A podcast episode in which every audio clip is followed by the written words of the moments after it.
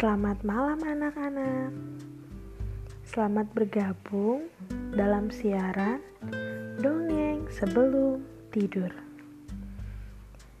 Sebelum mendengarkan dongeng, Ibu mau tanya, apakah anak-anak sudah gosok gigi? Wah, hebat, sudah gosok gigi. Bagi yang belum, Jangan lupa untuk gosok gigi ya.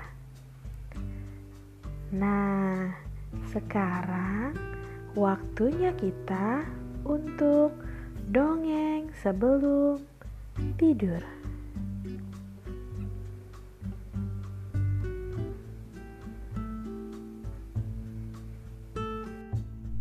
Kali ini Ibu Rani akan mendongeng dari buku yang dipinjam dari Elip BPK Penabur buku cerita karya Kak Yudi dengan judul Aku Tidak Mau Buang Sampah ke Sungai.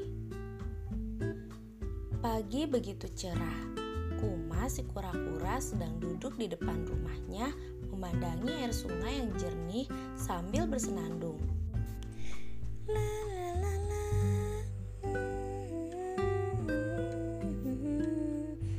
Sesaat terasa sejuk angin musim kemarau berhembus menerbangkan daun-daun kering. Uh, sebel. Daun-daun kering ini setiap hari bikin kotor halaman rumah Kuma saja. Kalau sudah begini, Kuma jadi repot deh membersihkannya. Gerutu Kuma sambil menatap daun-daun kering yang terus berguguran di tiup angin. Lalu Kuma masuk ke dalam rumah. Setelah itu, Kuma keluar dengan membawa sapu. Wajahnya masih kelihatan kesal melihat daun-daun yang berserakan di halaman rumahnya. Padahal kemarin sore Kuma sudah menyapunya. Wis gampang, Kuma sapu lagi saja. Hmm, tapi sebel. Aku jadi harus menyapu lagi. Selesai menyapu, Kuma buru-buru memasukkan sampah daun kering itu ke dalam kantong sampah. Wis gampang.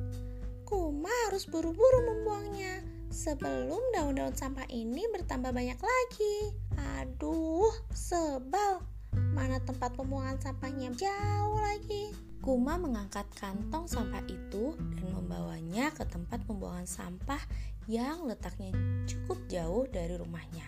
Kapan sih dunia ini tidak ada sampah lagi? Semuanya bersih dan tidak perlu menyapu setiap hari. Di persimpangan jalan, Kuma bertemu dengan Mondi si monyet yang juga akan membuang sampah. Wah, banyak sekali sampahnya. Iya nih, sebel. Tiap hari sampahnya banyak. Mana buangnya jauh banget lagi. Tidak usah jauh-jauh. Ikut aku saja. Buang sampahnya dekat. Kuma pun mengikuti Mondi. Waduh, jangan dibuang ke sungai, Mondi. Tidak apa-apa, Kuma. Nanti juga terbawa air. Daripada Kuma harus jalan jauh, lebih baik buang di sini. Wis gampang, benar juga. Kuma ikutan juga ah. Lalu Kuma pun membuang sampahnya ke sungai.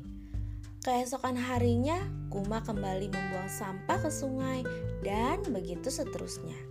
Setiap kali Kuma menyapu dalam rumah dan halamannya, Kuma selalu membuang sampahnya ke sungai. Wis gampang. Pekerjaan Kuma jadi lebih ringan kalau begini.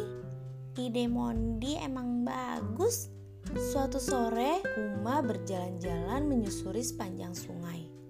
Kuma terkejut ketika sampai di pintu air. Waduh, banyak sekali sampah yang menumpuk di sana. Kira-kira bisa bahaya tidak ya? Ia tidak menyadari kalau bahaya banjir bisa datang saat musim hujan tiba. Malamnya, saat semua penghuni Hahakalen sedang tertidur lelap, hujan turun deras sekali dan tidak berhenti sepanjang malam. Tidak ada yang tahu kalau air sungai mulai naik.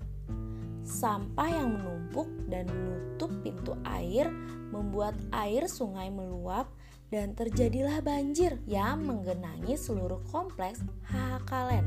Semua penghuni Hahakalen panik berusaha menyelamatkan diri sambil membawa barang-barang yang bisa diselamatkan. Oh, kenapa bisa banjir sih? Selama ini kan tidak pernah banjir. Kata Sumi si gajah. Bah, ini pasti gara-gara sungainya banyak sampah. Jadi jalan airnya tertutup. Kata Jepa si jerapah.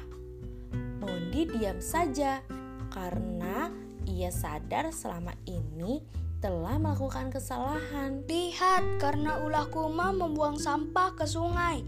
Jadinya kita semua kebanjiran.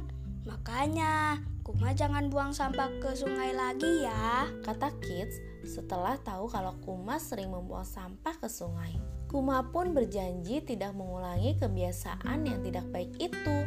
Setelah kejadian banjir itu, Kuma dan Mondi tidak mau lagi membuang sampah ke sungai. Mereka sadar membuang sampah harus di tempat sampah. Nah, begini lebih baik ya Kuma. Lebih bersih dan aman. Eh, iya. Anak-anak, dari dongeng yang kita dengar tadi, belajar kalau sungai bukanlah tempat sampah, tetapi sumber air bagi kita. Karena itu, mari jaga sungai kita agar tetap bersih dan indah tanpa sampah. Sekian dongeng sebelum tidur untuk malam ini. Sampai bertemu di dongeng berikutnya.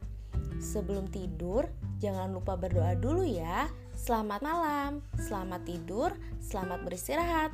Tuhan Yesus memberkati.